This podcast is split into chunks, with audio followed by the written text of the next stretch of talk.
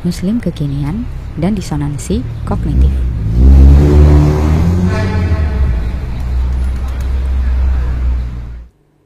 Ini mungkin sebuah fenomena yang umum terjadi di mana-mana.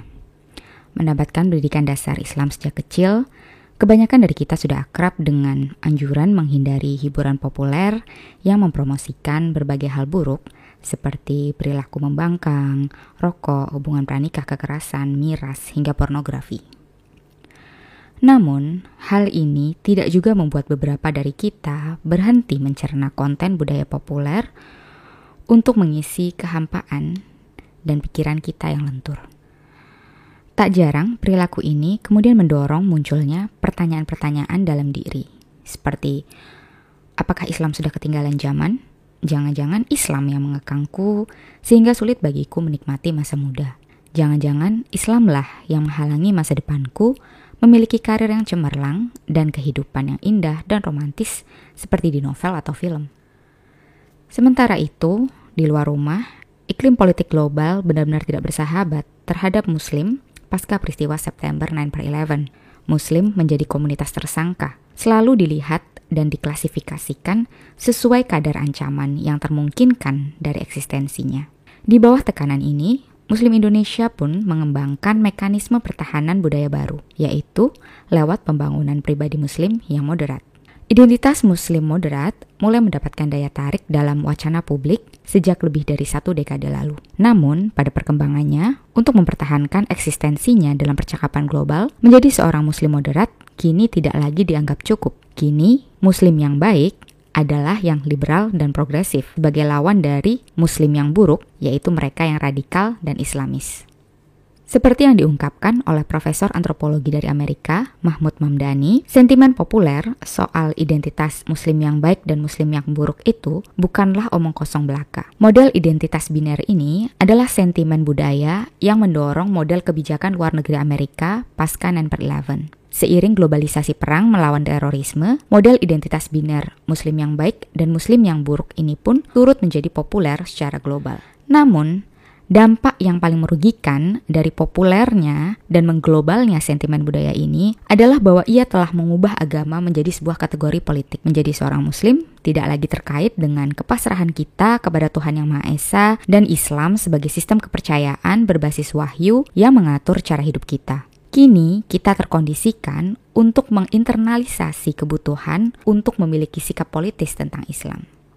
Maka, zaman sekarang menjelaskan diri kita sebagai Muslim harus menjawab pula pertanyaan-pertanyaan tak terucap seperti Muslim yang seperti apa dan Muslim dari kelompok Islam yang mana. Identitas Muslim kini dimaknai sebagai kategori politis, dan orang-orang sibuk mencari tahu posisi politis seorang muslim untuk mengkategorisasikannya, apakah ia berbahaya atau tidak. Dalam situasi semacam ini, tidaklah mengherankan jika banyak muslim yang mengalami disonansi kognitif, sebuah ketidakharmonisan kognisi yang membuat identitas seorang muslim seolah terperangkap dalam dua perang, antara perang spiritual menjadi hamba Allah yang lebih baik dan perang budaya untuk menjadi benar secara politis. Terlepas dari beberapa upaya untuk menyatakan bahwa inilah yang dimaksud dengan jalan tengah, terjebak di tengah situasi disonan toleransi terus-menerus seperti ini sebenarnya sangat merugikan kesehatan psikospiritual kita, terutama bagi seorang muslim, disonansi kognitif membebani jiwa kita. Teori ketidakharmonisan kognisi atau disonansi kognitif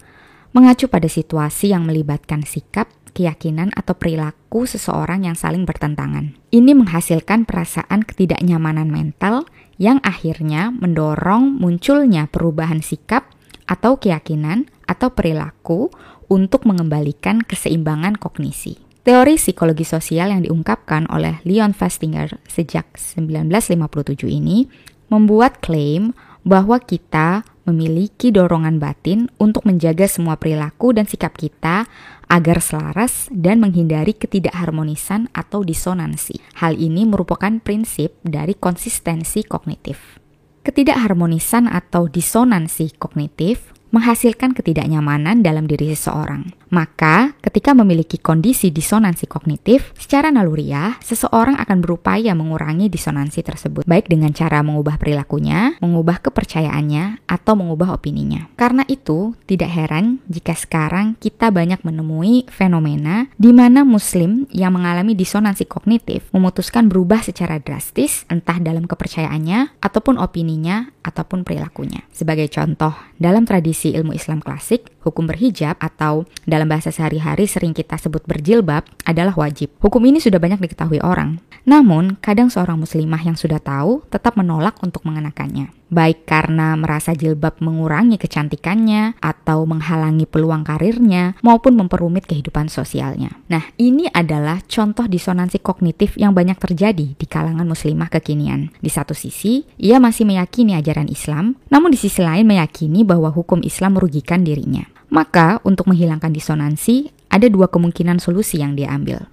Jika ia memilih untuk mempertahankan keyakinannya, maka ia lalu mengubah perilakunya. Contohnya, kita banyak melihat muslimah yang memang butuh waktu untuk berpikir sebelum akhirnya memutuskan untuk mengenakan jilbab. Atau di sisi lain, ia bisa memilih mempertahankan perilakunya untuk tidak memakai jilbab. Nah, untuk menghilangkan disonansi dalam dirinya, maka ia lalu mencari-cari opini yang membenarkan perilakunya atau sekalian saja mengubah kepercayaannya. Semisal, dengan mengikuti fatwa yang tidak otoritatif dalam tradisi Islam bahwa berhijab ataupun berjilbab bukanlah sebuah kewajiban. Dalam teori disonansi kognitif, Festinger juga menjelaskan bahwa ketidaknyamanan yang dihasilkan oleh disonansi kognitif bisa dikurangi oleh model komunikasi yang persuasif. Di satu sisi, ini mengindikasikan adanya kebutuhan pendekatan dakwah ke muslim kekinian yang lebih persuasif. Di sisi lain, ini mengindikasikan bahwa orang yang mengalami disonansi kognitif sering kali berkembang menjadi pribadi rapuh yang mudah terbujuk oleh berbagai jenis komunikasi persuasif. Maka tidak heran jika sering kali kita atau mungkin saudara-saudara kita sesama muslim